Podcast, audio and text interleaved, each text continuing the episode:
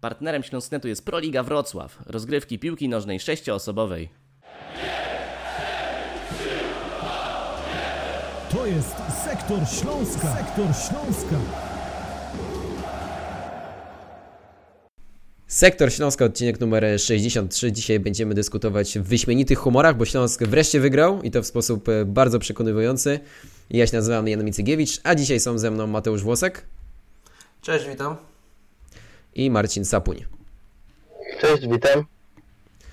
Przypominam, że partnerem głó- głównym Śląsknetu jest firma LVBet. No i przechodzimy już do e, omawiania tego spotkania. Śląsk Wrocław wygrywa 4 do 1 z Górnikiem Zabrze. Całościowo to był e, świetny weekend dla wrocławskiego klubu, no bo rezerwy także w drugiej lidze wygrały 4 do 0 na wyjeździe z Lechem Poznań. No ale my się będziemy zajmować oczywiście ekstraklasą. E, No i panowie, chciałoby się powiedzieć nareszcie, bo nareszcie to był taki Śląsk, e, jaki chcemy oglądać. Śląsk, który wyszedł e, od pierwszej minuty ofensywnie, także był agresywny w takim dobrym tego słowa znaczeniu. Śląsk, który dominował i, i naprawdę ta pierwsza połowa to była no, najlepsza połowa od, od bardzo, bardzo dawna. W ogóle to był najlepszy mecz od bardzo, bardzo dawna.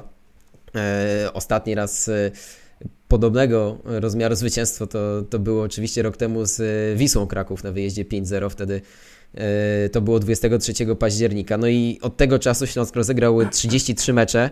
E, Pamiętacie ile z nich było zwycięskich? Jakbyście strzelali? 33 mecze. Powiedziałbym, że z 6.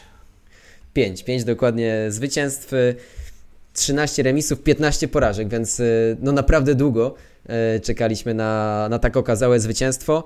Y, W ogóle też w pierwszej połowie była pierwsza od, od prawie roku sytuacja, że Śląsk prowadził w trakcie meczu dwoma bramkami. Y, No i chyba y, naprawdę jesteśmy w, w dobrych humorach i, i możemy pozytywnie y, patrzeć na to, co, co wydarzyło się y, w sobotę. Mateusz, y, to była taka reakcja, jakiej spodziewałeś się po tym katastrofalnym meczu z Wartą Poznań? Yy, tak, ja jestem zadowolony szczególnie z tego, że Śląsk nie przespał tego budzika, jakim była e, Warta, no bo to był naprawdę taki znak ostrzegawczy, że ten projekt być może idzie nie w złą stronę, ale że coś, że pewne klocki nie zaczęły ze sobą stykać. Natomiast e, w sobotę zobaczyliśmy już Śląsk całkowicie odmieniony.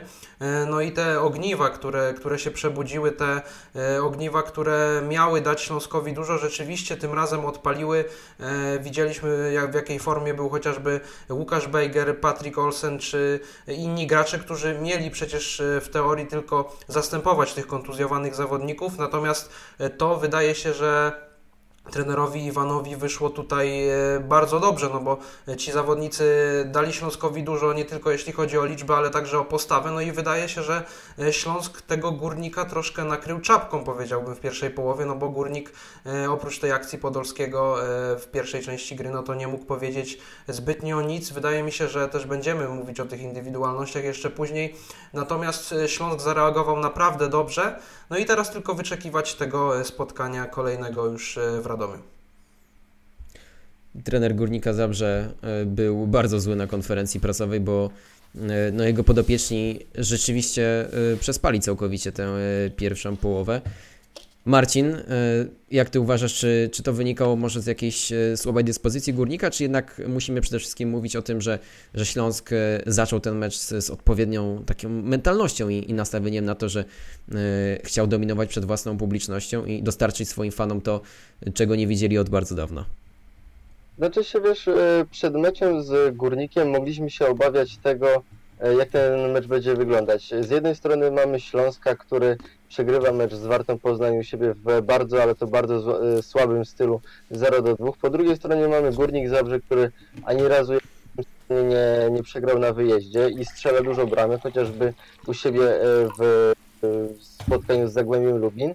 E, Mogliśmy się spodziewać Śląska troszeczkę e, może wystawionego od e, pierwszych minut, natomiast dostaliśmy e, Śląsk, który gra e, fajną piłkę dla oka, to po pierwsze. Po drugie, e, walczy o, o każdy centymetr boiska, co e, przychodziło no, uwagę po stronie kibiców, czy też e, mnie, jak i Bartka, chociaż e, którzy komentowali tam to spotkanie. Wyglądało to naprawdę e, obiecująco, e, patrząc chociażby na Patricka Olsena czy Erika Exposito, e, którzy doskakiwali do przeciwnika od razu e, kiedy ten miał piłkę i ten wtedy, kiedy próbowali rozgrywać piłkę piłkarze Górnika Zabrze. Więc pozytywne zaskoczenie. Ta pierwsza połowa naprawdę miła dla oka, miła dla osób komentujących i takiego Śląska chcielibyśmy też oglądać częściej, nie tylko raz na, raz na rok.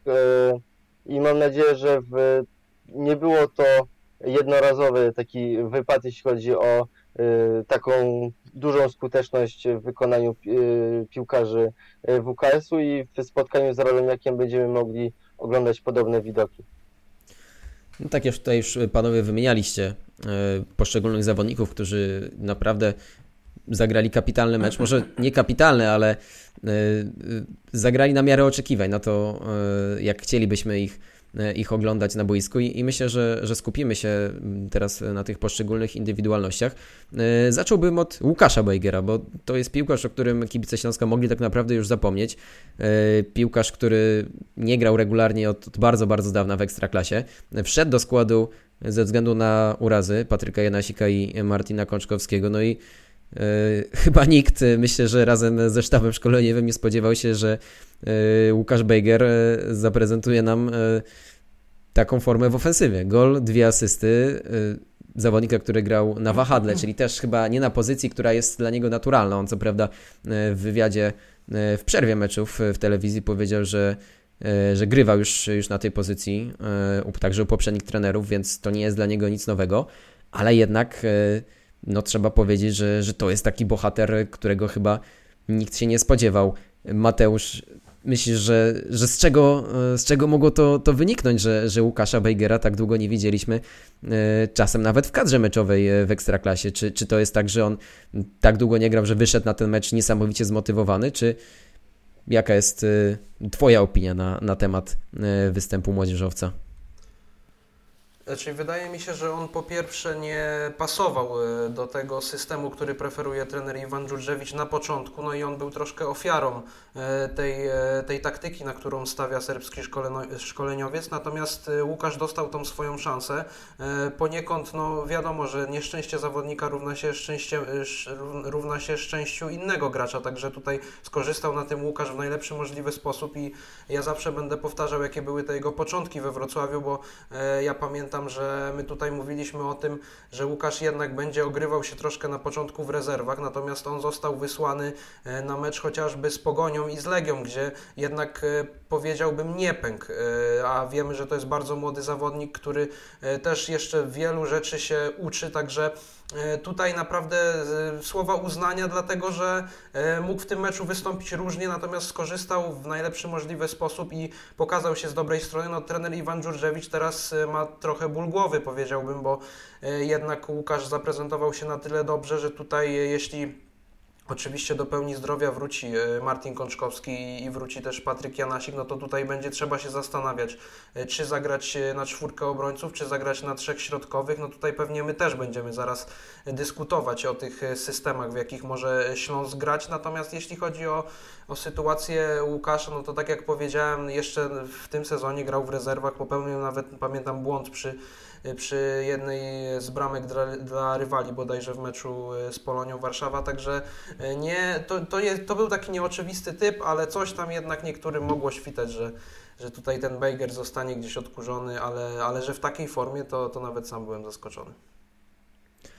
Myślę, że też miał trochę szczęście Łukasz Bejger, że akurat na taki mecz wskoczył do składu, gdzie no drużyna jednak wyszła z ofensywnym nastawieniem, no bo e, gdyby wszedł na wahadło chociażby kilka dni wcześniej w meczu z Wartą Poznań, no to pewnie e, za bardzo nie pokazałby się z, z dobrej strony, tylko tak samo jak reszta drużyny biły głową w mur. Marcin, ty myślisz, że e, kiedy wrócą do zdrowia Janasik i Kączkowski, a załóżmy, że Iwan Dziurdziewicz chciałby zostać przy ustawieniu na e, trzech stoperów, to Łukasz Beger bardziej pasowałby jako wahadłowy jak w tym meczu, czy jednak e, bardziej docelową dla niego pozycją e, byłoby, byłaby ta prawa strona w trójce defensywnej?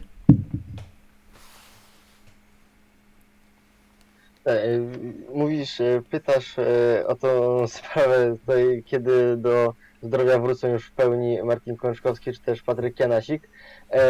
Nawet po konferencji prasowej po meczu z Górnikiem trener był pytany przez, przez dziennikarzy e, na ten temat, e, ustawienia Łukasza Bejga w innych, w innych taktykach. Trener sam wspomniał tutaj jednoznacznie, że gorzej czuje się on na prawej obronie przy, przy czwórce defensorów. Lepiej się znacznie sprawuje albo jako jeden z tych tej trójki środkowych obrońców, albo na którymś z wahadeł.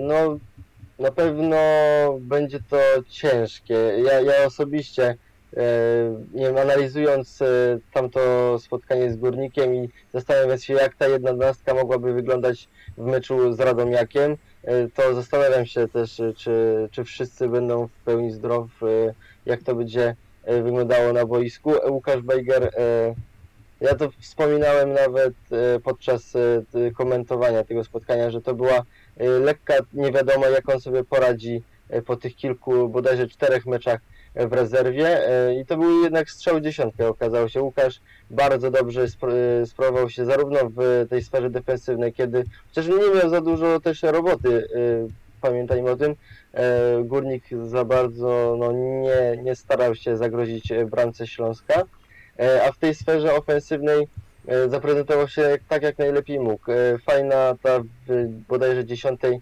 minucie e, wymiana podań między właśnie Bejgerem a Nauelem.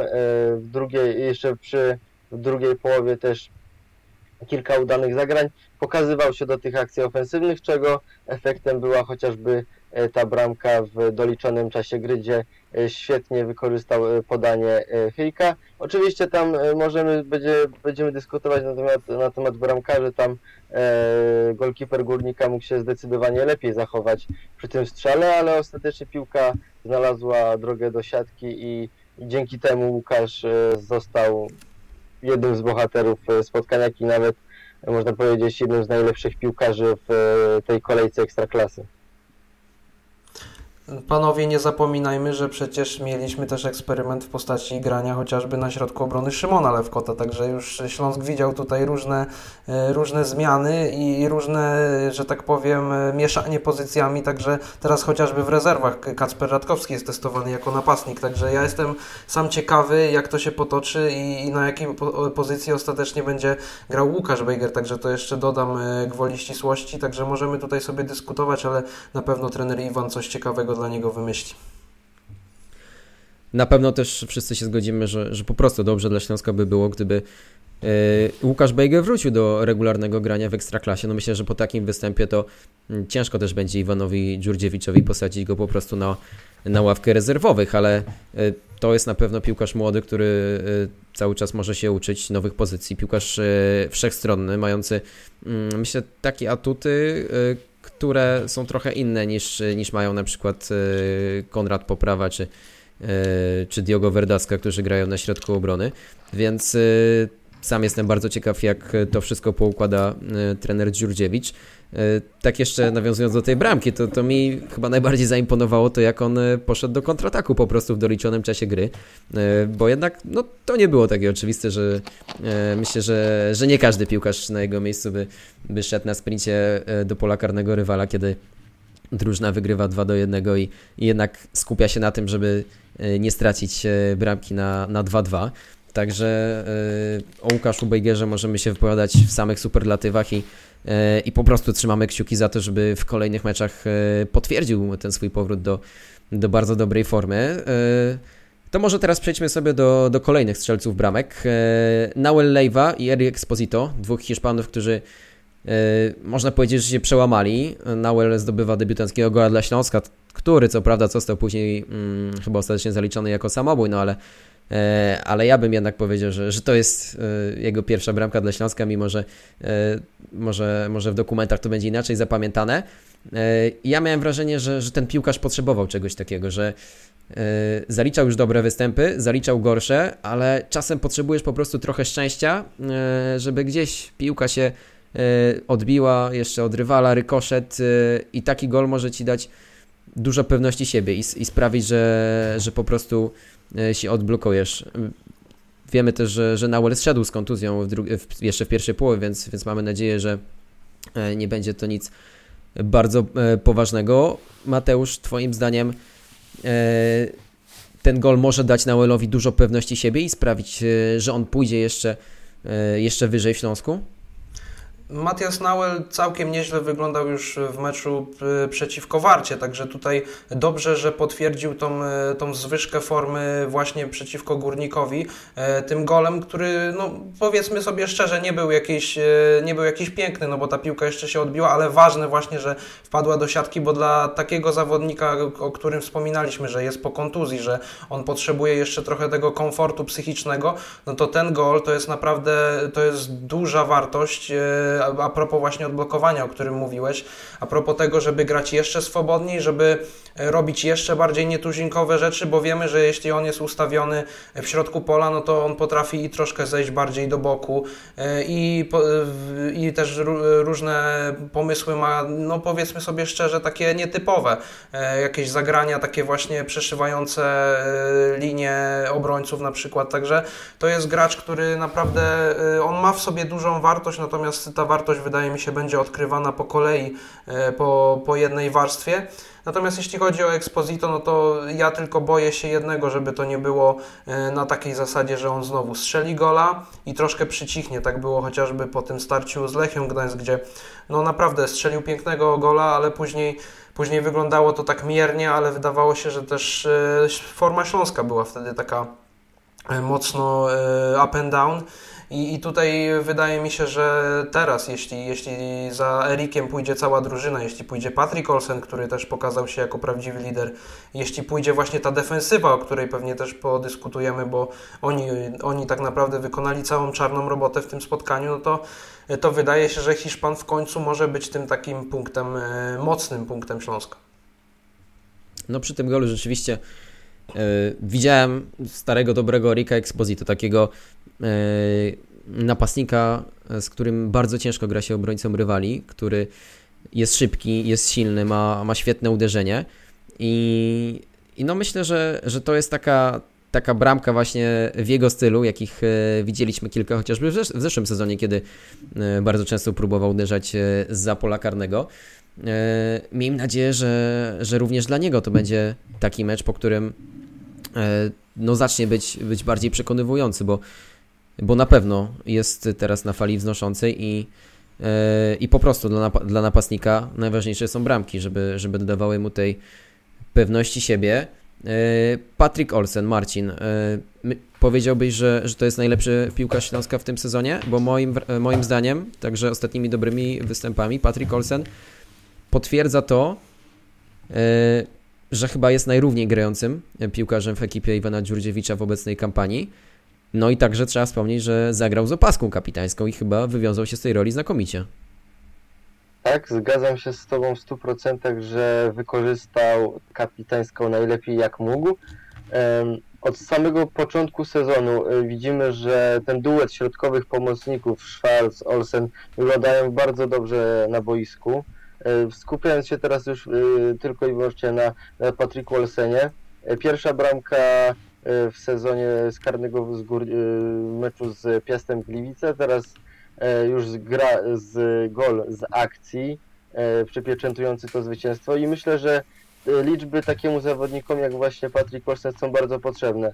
Wiadomo, że to jak zawodnik gra na przestrzeni kolejnych tygodni czy miesięcy, no umówmy się, troszeczkę ulatuje. Zapominamy w występach E, jeśli nie ma jakiegoś tam tego punktu zaczepienia w statystyce, więc e, ten gol myślę, że podbudował jeszcze bardziej e, pozycję Patryka Olsena w Śląsku Wrocław. I to co powiedziałem na samym początku i też podczas transferu, że dwa skrajne przypadki, w których w meczu z Wartą nasz kapitan, no co by nie mówić, tutaj zawala gola E, dla, i sprawia prezent e, przeciwnikowi, a z drugiej strony mamy, który e, mocnym strzałem dobija przeciwnika, a też podczas już samej gry tutaj na boisku w, 9, w trakcie tych 90 minut pokazuje się z jak najlepszej strony, tak samo jak ofensywa Wrocławia.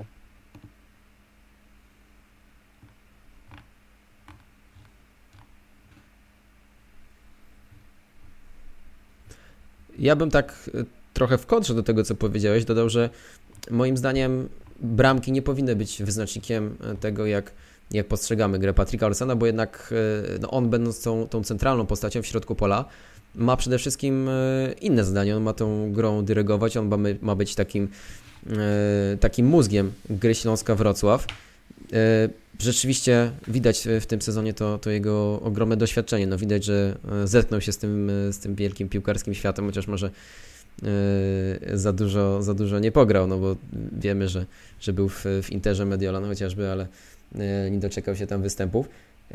W każdym razie Patrick Olsen zagrał jako kapitan w poprzednim sektorze Śląska. Chłopaki dyskutowali na, na temat tego, czy E, czy wybierając Michała Szromnika na, na kapitana, Iwan e, Dziurdziewicz de facto nie, jakby nie wybrał też podstawowego bramkarza, no bo głupio, żeby kapitan siedział na ławce, ale niewykluczone, że w najbliższym czasie jednak będziemy mieli taką sytuację, bo, bo Rafał Leszczyński, chyba nie powinniśmy mieć do niego żadnych pretensji po tym meczu, wykorzystał tę swoją szansę i, i niewykluczone, że, że to właśnie Olsen w, także w kolejnych tygodniach będzie kapitanem Śląska. Ja powiem szczerze, jestem zwolennikiem takiego rozwiązania, bo bardzo lubię Patryka Olsena jako piłkarza. Uważam, że, że naprawdę widać, że, mm, że to jest bardzo dobry zawodnik jak na jakość naszej ekstraklasy i, i że także z tej roli kapitana bardzo dobrze się wywiązuje. Zanim przejdziemy sobie do Leszczyńskiego, o którym e, już tutaj wspomniałem, to ja bym jeszcze panowie porozmawiał o dośrodkowaniach, bo E, to był główny temat po meczu z Wartą Poznań. Różne wyliczenia, ile tych dośrodkowań było. Według niektórych źródeł około 30, według innych około 45, ale, ale celnych prawie żadnych. A jeśli jakieś były, no to można policzyć je było na palcach jednej ręki. Jak to jest? Czy, czy piłkarze Śląska w przeciągu kilku dni nagle nauczyli się dośrodkowywać? Bo praktycznie od początku meczu te, te wszystkie wrzutki były yy, po prostu dużo bardziej jakościowe, były celne.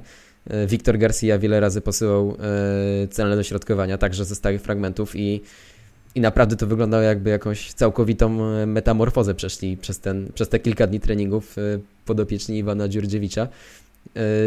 Mateusz, myśli, że, że czy tak naprawdę, nie wiem, ten mecz z Wartą to był wypadek przy pracy i po kilku nieudanych wrzutkach już spadła ta pewność siebie, czy, jak to jest, że, że widzimy w przeciągu pięciu dni zupełnie inny Śląsk Wrocław właśnie także w tym elemencie gry? Ten mecz z Wartą był, był po prostu ewenementem i też no, tam wielkie lotnisko, po prostu piłki tam latały cały czas gdzieś w polu karnym, natomiast w meczu z Górnikiem wszystko było w mojej opinii bardziej już stonowane i też były takie punkty, wydaje mi się, na które trener Dżurżewicz już wcześniej zwracał e, piłkarzom e, uwagę, no bo widzieliśmy jaki niepewny chociażby w rozegraniu był Richard Jensen i tutaj naprawdę wystarczyło przypresować i Śląsk dobrze skupił się już od samego początku na odbiorze piłki wysoko. Widzieliśmy to też przy golu przecież Erika Exposito, gdy Daniel Gretarson wyszedł nawet do koła środkowego, no to pomyślmy sobie jak wysoko wyszedł środkowy obrońca w tej sytuacji. E, także to jedna rzecz, czyli zaskoczenie górnika, nie, przecinanie linii podań przede wszystkim. I też ciekawie bardzo wytłumaczył to trener Iwan Dżurżewicz na konferencji, która szczerze mówiąc była bardzo obfita, jeśli chodzi o takie kwestie personalne, kwestie e, taktyczne, no bo e, trener Dżurżewicz mówił o tym, że oni mieli konkretny plan na te spotkanie, czyli chcieli jak najbardziej później górnika odciąć od tych, od tych boków bo wiemy, że Robert Dadok tam już próbował szaleć w drugiej połowie, no i oni wtedy ustawili się piątką, no i e, te działania bardziej zwężali, no a skoro zwężali, no to w środku musiało pojawić się także więcej pracy, no bo tam schodził Lukas Podolski i trzeba było jakoś zapobiec tym e, chociażby jego e, długim przerzutom, które preferował właśnie mistrz świata z Niemcami, także wydaje mi się, że udało się jak najbardziej tego górnika zneutralizować. Wiem, że bardzo tutaj odszedłem od, od pytania, które zadałeś, natomiast musiałem powiedzieć o tej, o tej tej kwestii taktycznej, którą zaprezentował nam tutaj e, serbski szkoleniowiec, bo wydaje mi się, że, że była ona warta tutaj odnotowania, że my mieliśmy konkretny plan i o tym też mówił. Ten plan został zrealizowany, wydaje mi się, że, że w pełni, no bo wynik to jak najbardziej odzwierciedla, chociaż ten karny, e, karny nie karny, bo to był karny widmo niestety, e, też mógł tutaj dużo nam zniszczyć. Natomiast Wydaje mi się, że Śląsk y, przede wszystkim miał plan i miał plan też na ofensywę. I tutaj już Marcin zostawiam Tobie głos, bo ja już troszkę się nagadałem o tych kwestiach obronnych, jak przeciwdziałać Górnikowi, natomiast Tobie oddaję, oddaję tutaj pole do popisu, jeśli chodzi o atak Śląska.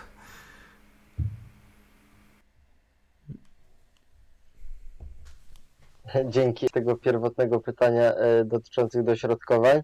E, faktycznie oglądając to spotkanie można było odnieść wrażenie, że chyba e, piłkarze Śląska przez cały jeden dzień e, uczyli, uczyli się od nowa, powiedzieć, jak te wykonywać. Tych dośrodkowań może nie było aż tak bardzo dużo, jak w meczu z Wartą i myślę, że dobrze. Próbowano też w innych sferach boiska te akcje zawiązywać i, i słusznie, a jeśli już te dośrodki były, to tak jak już Janku wspominałeś wcześniej, Y, znajdowały one e, drogę do e, czy to do Eryka Exposita, czy do innych e, piłkarzy Śląska Wrocław. Co do jeszcze tej ofensywy, ja szczerze mówiąc skupiłbym się tutaj bardzo na, na, na Eriku Exposito, na tym w jaki sposób on poruszał się. Widać było no, takiego Erika z, z poprzedniego sezonu, zanim jeszcze E, ruszył e, ten temat transferu, e, transferu do Chin. Widać było u Erika Exposito po pierwsze pełne zaangażowanie w te akcje ofensywne Śląska. Kiedy on miał, nie wiem, na plecach dwóch albo trzech zawodników, to wywiązywał się z tych zadań jak najlepiej tylko mógł. Te driblingi, czy też po prostu przepychanie się z przeciwnikami, to jest właśnie to, czego od Hiszpana oczekiwaliśmy od e, początku sezonu, e, kiedy został, kiedy no, umówmy się, że wybił ze składu, tak kolokwialnie mówiąc, Quintanę z powodu, no, wiem, wiem jak jego postawy na boisku. Co do samego tutaj doskonałe moim zdaniem reagowanie na, na całą sytuację. Już Mateusz wspomniał, E, to wyjście e, Daniela Gretarsona w sferę boiska. E, Erik Exposito świetnie pokazał się Islandczykowi na swojej pozycji i bez dwóch zdań tutaj trzeba go pochwalić za, za tą przytomność i za, za dobry strzał jego charakterystyczną lewą nogą. Ale w drugiej połowie też to, na co zwróciłem uwagę, to chociażby E, że, na, że cała drużyna tak naprawdę, od, począwszy od defensorów, jak i do piłkarzy e, bardziej ofensywnych, e, próbowali i skutecznie próbowali ten wynik, to zwycięstwo Śląska utrzymać. Ja pamiętam, że Erik Exposito sam dwukrotnie albo trzykrotnie pod, w naszym polu karnym wybijał chociażby piłkę z tej z pola karnego, także duże uznanie dla niego i, i myślę, że myślę, mam nadzieję, że, że to nie będzie e, taki jednorazowy występ, tylko będziemy mogli częściej e, chwalić e, Hiszpana, to co pokazuje na boisku.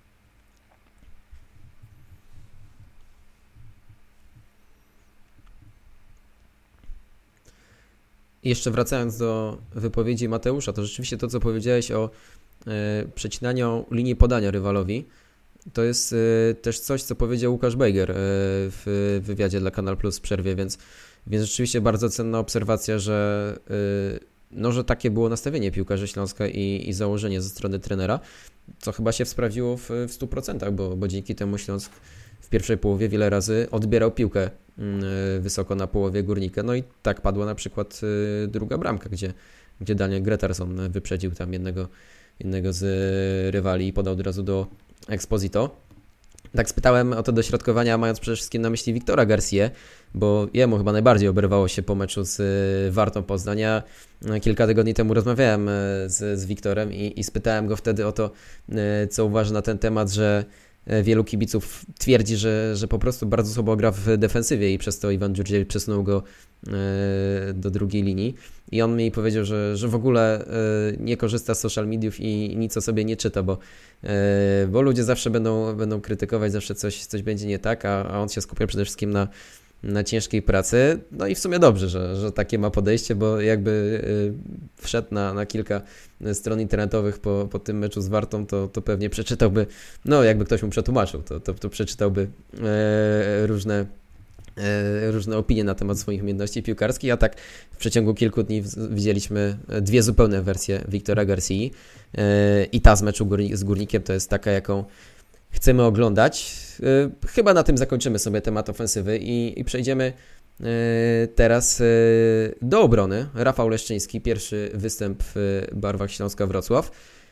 Na pewno na plus. Gol stracony z rzutu karnego. Czy Rafał Leszczyński powinien być pierwszym bramkarzem Śląska w najbliższych tygodniach? Mateusz, takie pytanie do Ciebie. Tak, wydaje mi się, że jeśli daje się już szansę bramkarzowi w takim meczu i on nie popełnia jakiegoś rażącego błędu, widzę Michał Szromnik, no to jednak kapitan Śląska powinien odpocząć sobie troszkę dłużej. Wiemy, że tych meczów do końca rundy jeszcze troszkę pozostało. Nie wiem, czy trener będzie próbował tutaj rotować na zasadzie, e, nie wiem, dwa mecze broni Leszczyński, dwa mecze broni Szromnik. Nie wiem, czy to by było zdrowe, natomiast e, jak najbardziej ta, y, ta szansa dla Leszczyńskiego była zasadna, oczywiście po tym, co zobaczyliśmy y, w meczu z Wartą i też y, powiedzmy o tym szczerze, że to nie jest łatwe, bo bramkarz zawsze musi być pod prądem, to jest to jest taki fach, gdzie musisz być cały czas skoncentrowany, bo, bo możesz właśnie popełnić głupiego babola, bo y, możesz stracić bramkę w głupi sposób, a tutaj Rafał był cały mecz sfokusowany na tym, żeby tej bramki jednak nie stracić. Wiemy, że y, chociażby Podolski w tej pierwszej połowie strzelił mu prosto, że tak powiem, w koszyczek, natomiast później było parę takich sytuacji, chociażby Szymon Włodarczyk mocno testował golkipera Śląska w kilku sytuacjach, chociażby tam sam na sam było, gdzie, gdzie dobrze Rafał skracał kąt i naprawdę wykazał się tutaj dużymi umiejętnościami. Wydaje mi się, że jak na te jego nikłe ekstraklasowe doświadczenie, bo to były tylko trzy mecze w barwach Podbeskidzia e, dwa sezony temu, także to jest, e, to jest dobry, dobry czas dla niego, bo też wiek już jest, że tak powiem, zasadny do tego, żeby w ekstraklasie troszkę e, dłużej występować i możemy tylko się cieszyć, że mamy dwóch bramkarzy, którzy są powiedzmy sobie na, na takim podobnym poziomie, e, natomiast wiadomo, że, że Michał miał takie wzloty i upadki i teraz przydarzył się ten, ten upadek, ale wtedy, wtedy wkracza Rafał, który, który jest na fali, także możemy się z tego jak najbardziej cieszyć. Wydaje mi się, że może być tak, że Rafał Leszczyński po prostu będzie pierwszym bramkarzem do momentu przerwy, e, kiedy e, zacznie się mundial i kiedy, kiedy skończy się ekstraklasa.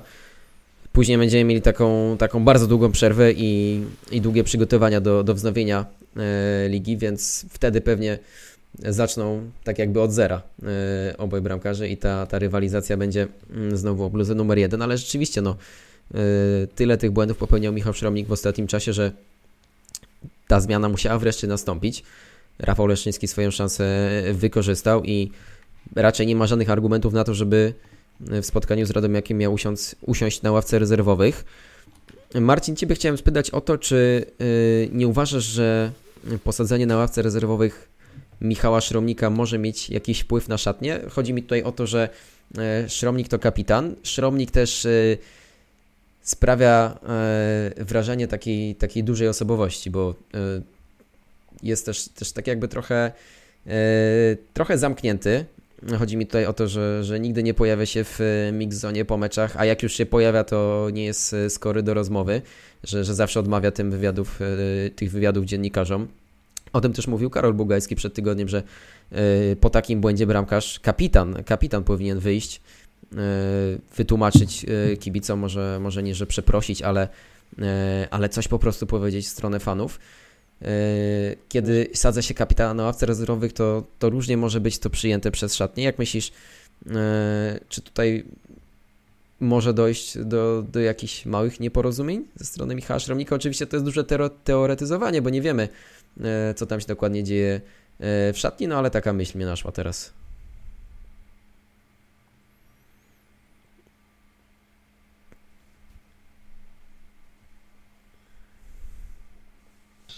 Dobre pytanie. Ja pamiętam, że Iwan Żurdziewicz podczas e, którejś z e, bodajże wcześniejszych konferencji prasowych, czy też e, po którymś z meczów, już nie chcę tutaj dokładnie, mówił, że szatnia ma jakichś tam swoich pojedynczych liderów, zarówno Michał Szrom, jak i Patryk Olsen, czy też ta cała rada drużyny, która się skupia wokół, wokół drużyny, funkcjonuje bardzo dobrze, nie ma żadnych napięć, stary, no, chociażby po, po meczu z ekscesów, czy też jakichś tam e, dziwnie wyglądającej sytuacji między Jebłachem a, a bodajże tam którymś z innych zawodników e, WKS-u. E, Iwan Dziurziewicz na konferencji prasowej szybko te, te wątpliwości jakieś. E, natomiast powiem tak, jeśli drużynie się dobrze wiedzie w lidze, jeśli gra dobre spotkania, to to, że na boisku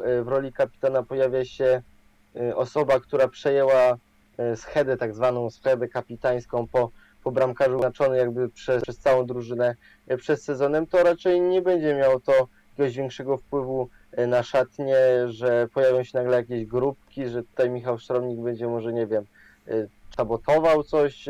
No trudno powiedzieć, mi się wydaje, że Michał jest, rozumie swoją sytuację, rozumie, że popełnił w ciągu, ostatni, w ciągu ostatniego miesiąca, tak półtora miesiąca, dwa rażące błędy i każdy dostaje swoją szansę, tak jak mówił e, trener, każdy musi być przygotowany do gry, każdy nie ma, nie gra za zasługi jakieś, tylko po prostu grają ci, którzy w danym e, meczu, w danym dniu prezentują jak najlepszą formę. E, Michał musi przyjąć to do wiadomości, że musi przez jakiś czas teraz odpocząć E, a co będzie później, no zobaczymy. E, pewnie okaże się, że Michał wystąpi w meczu Pucharu Polski z Lechem Poznań. Początkowo, jeszcze zanim ten mecz z Wartą się odbył, to pewnie wyglądałoby to zupełnie inaczej, czyli Michał Szromnik broniłby w Ekstraklasie, a Rafał Leszyński w Pucharze Polski. Teraz sytuacja troszeczkę się zmieniła i, i to, co mówił Mateusz wcześniej, wraz z zakończeniem rundy jesiennej e, obo, obaj bramkarze staną po raz kolejny do rywalizacji. Zobaczymy, co pokażą w sparingu, zobaczymy, co pokażą e, na treningach i, i trener zdecyduje, kto rundę wiosenną powinien zacząć w bramce Śląska. Tak samo jak było w zeszłym sezonie, kiedy e, zaczynał bodajże właśnie Michał Sztam, a później w trakcie sezonu zastąpił go na, jak, na jakiś czas Matusz Putnocki.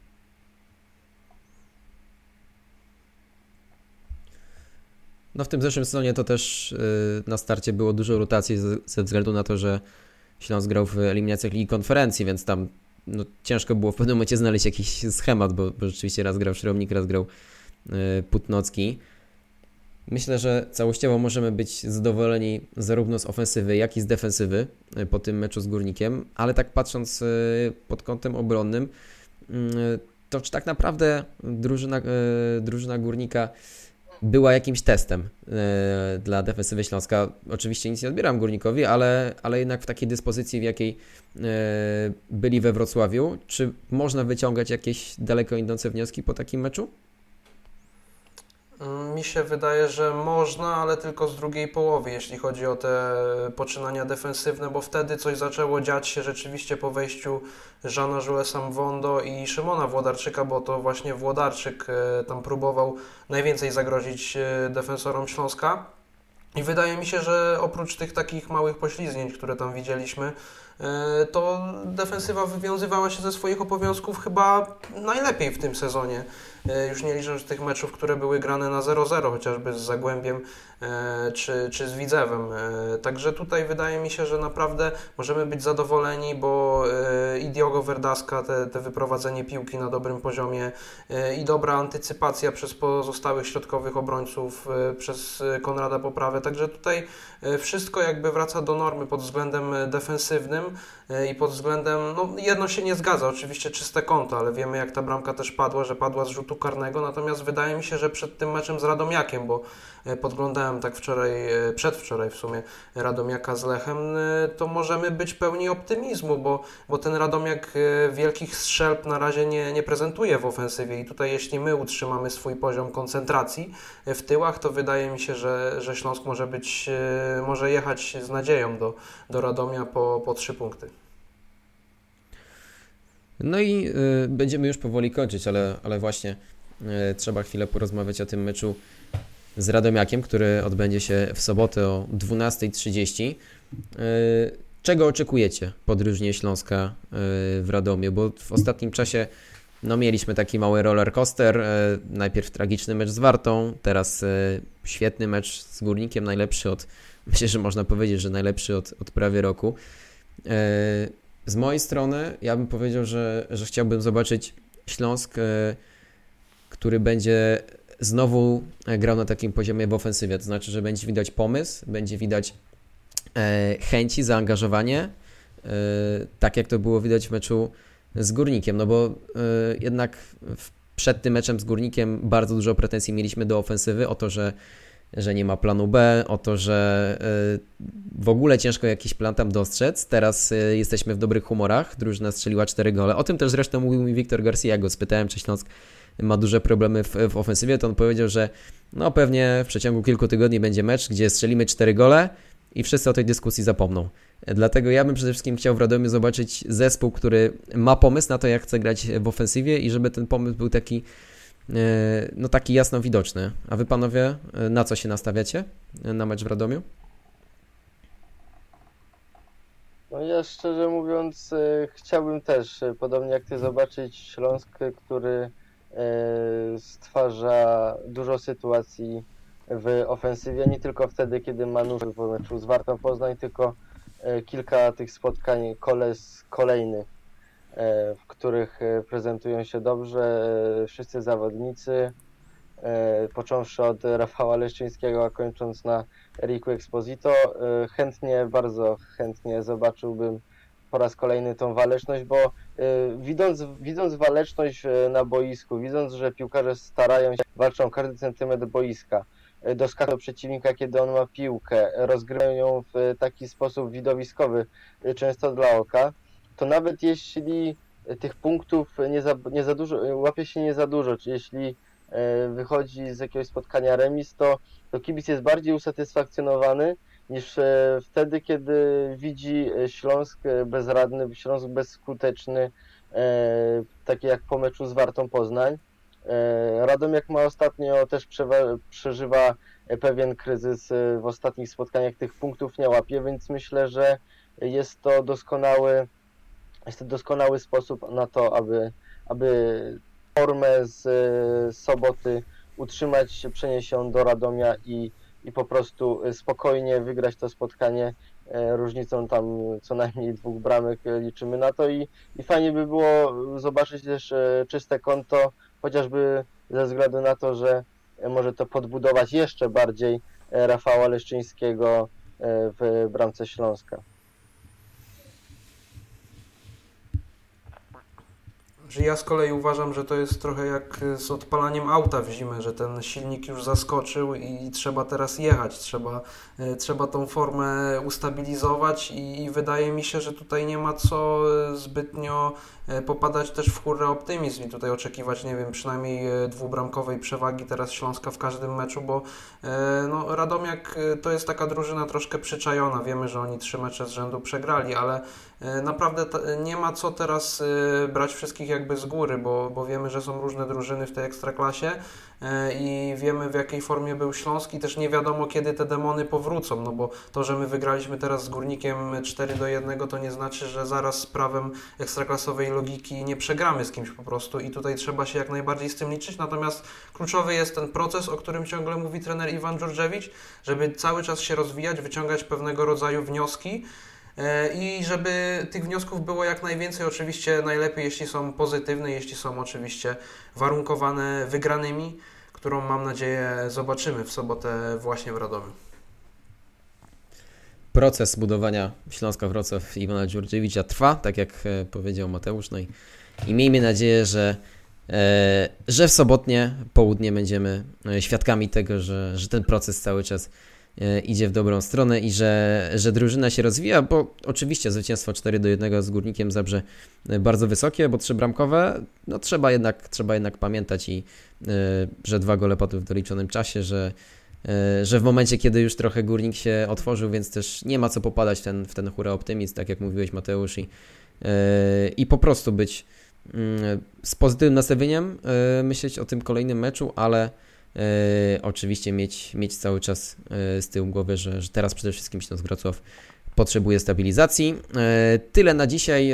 Tak jak już tutaj zapowiedzieliśmy, w sobotę o 12.30 Śląsk zagra w Radomiu, a kilka dni później w środę o 20.30 mecz Pucharu Polski w Poznaniu z Lechem, więc dwa trudne wyjazdy w najbliższym czasie. Miejmy nadzieję, że, e, że chociaż jeden z nich będzie, będzie zwycięski.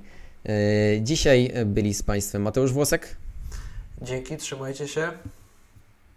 I Marcin Sapuń. Dziękuję, miłego wtorku wszystkim życzę. Jan Micygiewicz, e, dziękuję również bardzo. Hej Śląsk! To jest Sektor Śląska. Sektor Śląska.